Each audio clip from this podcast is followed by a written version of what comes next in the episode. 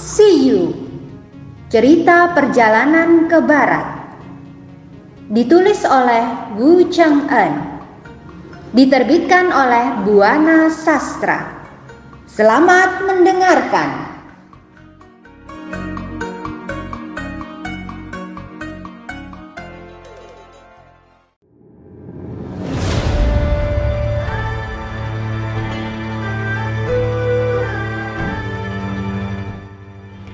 Akulah Marsekal Tian Peng alias Su Wineng alias Subaji. Sekarang, lekas kalian sodorkan kepala kalian. Dengan demikian, aku dapat mengemplang kepala kalian sampai hancur. Kata Subaji.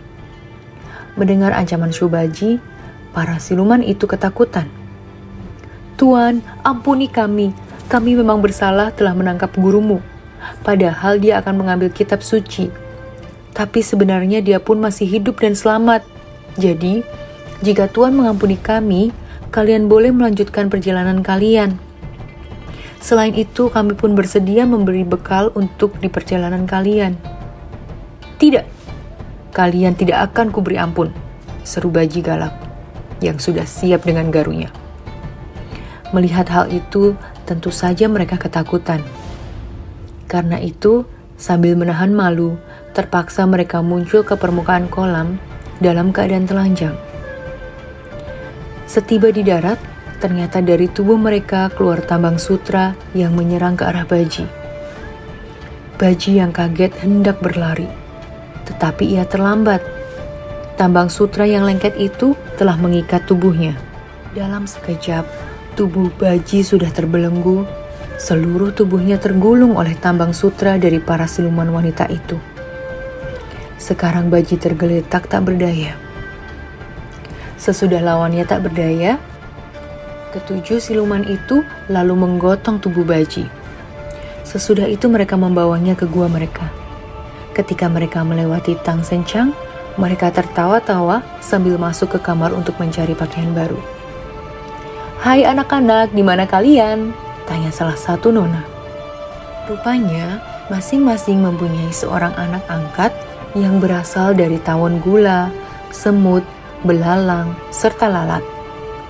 Ternyata semua binatang yang terkena jaring tak dibunuhnya, tapi mereka diangkat menjadi anak angkat siluman ini. Ada apa bu? Tanya anak-anak angkat itu. Lekas kalian hadapi murid biksu Tang. Jika kalian berhasil menaklukkannya, segera susul kami. Perintah siluman itu pada anak angkatnya. Baik bu, kata anak-anak itu.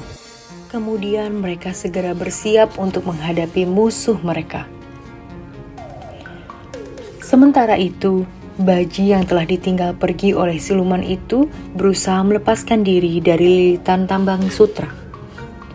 Akhirnya, setelah lama ia bergulat, ia berhasil membebaskan diri. Tapi walau dirinya sudah terlepas, Baji tetap merasakan tubuhnya sakit sekali. Walau demikian, ia berusaha menguatkan diri, lalu berjalan pulang untuk menemui Wukong. Ketika Zubaji datang sambil terhuyung-huyung, Wukong dan Wujing yang melihatnya jadi heran. Kakak, coba kau lihat, apakah kepalaku bengkak memar atau tidak? Tanya Baji setibanya di tempat saudaranya. Eh, kenapa kau? Kata Wukong. Aku berhasil ditawan oleh siluman itu. Kemudian aku diikat oleh tambang sutra mereka. Namun sesudah mereka pergi, aku berontak hingga berhasil membebaskan diri. Karena itu akhirnya aku bisa kembali, kata Baji. Kemudian ia mengisahkan pengalamannya ketika menggoda siluman itu di dalam kolam. Mendengar cerita Baji yang dianggap lucu, Wukong tertawa geli sedangkan Wujing malah kaget. Wah, celaka. Gara-gara kau menggoda mereka, pasti guru akan celaka, kata Wujing. Wukong yang mendengar kata-kata Wujing akhirnya sadar. Sesudah itu, ia bergegas menuju ke tempat gurunya ditahan. Wujing dan Baji mengikutinya. Wukong yang sampai lebih dulu langsung diadang seorang siluman. Berhenti, mau apa kau ke sini? Kata anak buah siluman itu. Wukong mengawasi ke arah para penghalangnya, tapi ia jadi geli sendiri. Karena dilihatnya para anak buah siluman itu pendek-pendek. Siapa kalian? Tanya Wukong. Kami anak-anak dari ketujuh dewi. Ah, betapa beraninya kau, padahal kau sudah mengganggu ibu-ibu kami. Tetapi kenapa kau berani datang ke sini? Kata mereka. Sesudah berkata begitu, beramai-ramai mereka menyerang ke arah Wukong.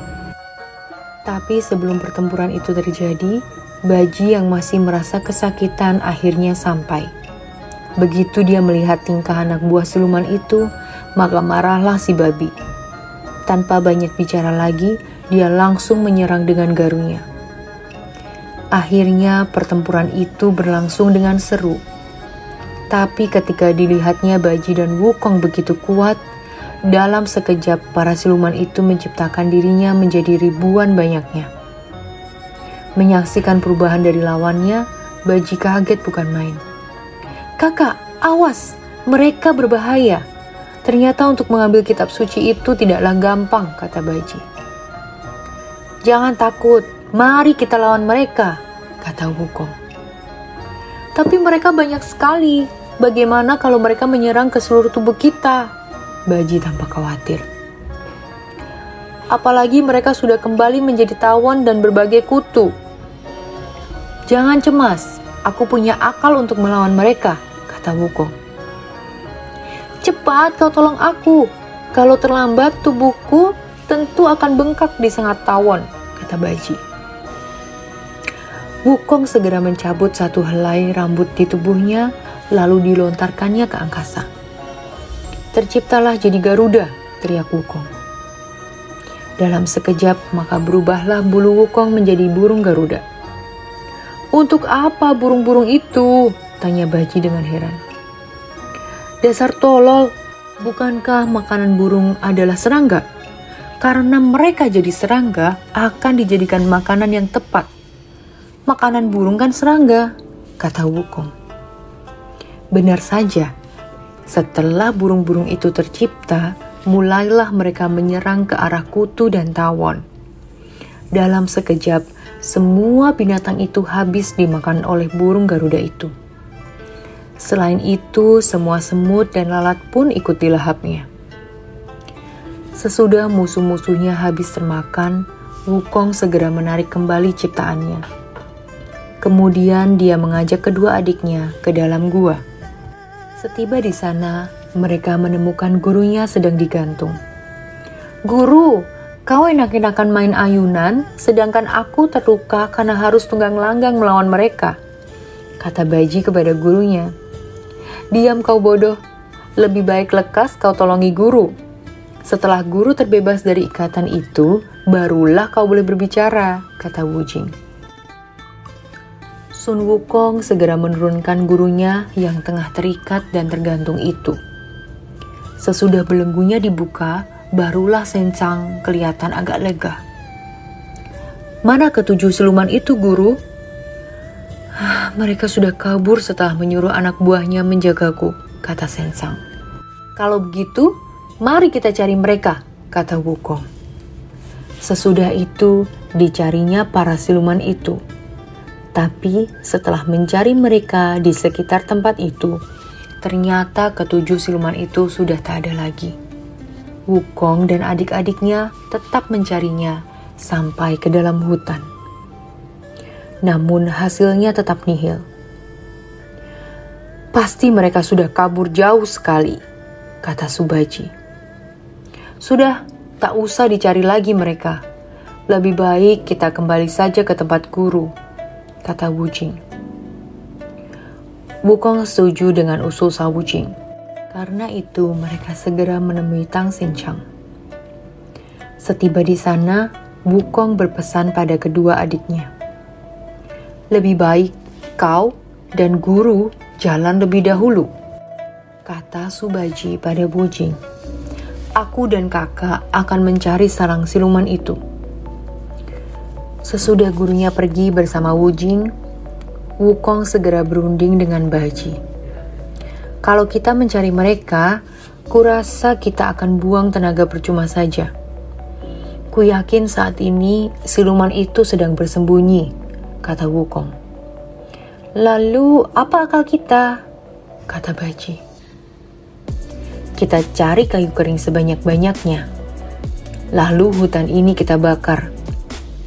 Dengan demikian, kukira para siluman itu akan mati terbakar. Kata Wukong. Benar, aku setuju, kata Baji. Kemudian keduanya segera bekerja mencari ranting dan kayu kering. Setelah semua terkumpul, mereka segera membakar ranting-ranting dan kayu kering. Dalam sekejap, berkobarlah api besar hingga sarang siluman terbakar habis.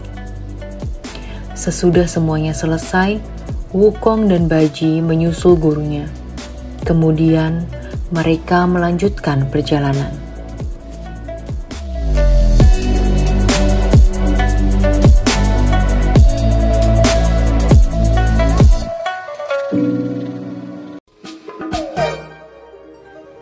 Dengarkan kisah selanjutnya dengan teman membaca yang lain.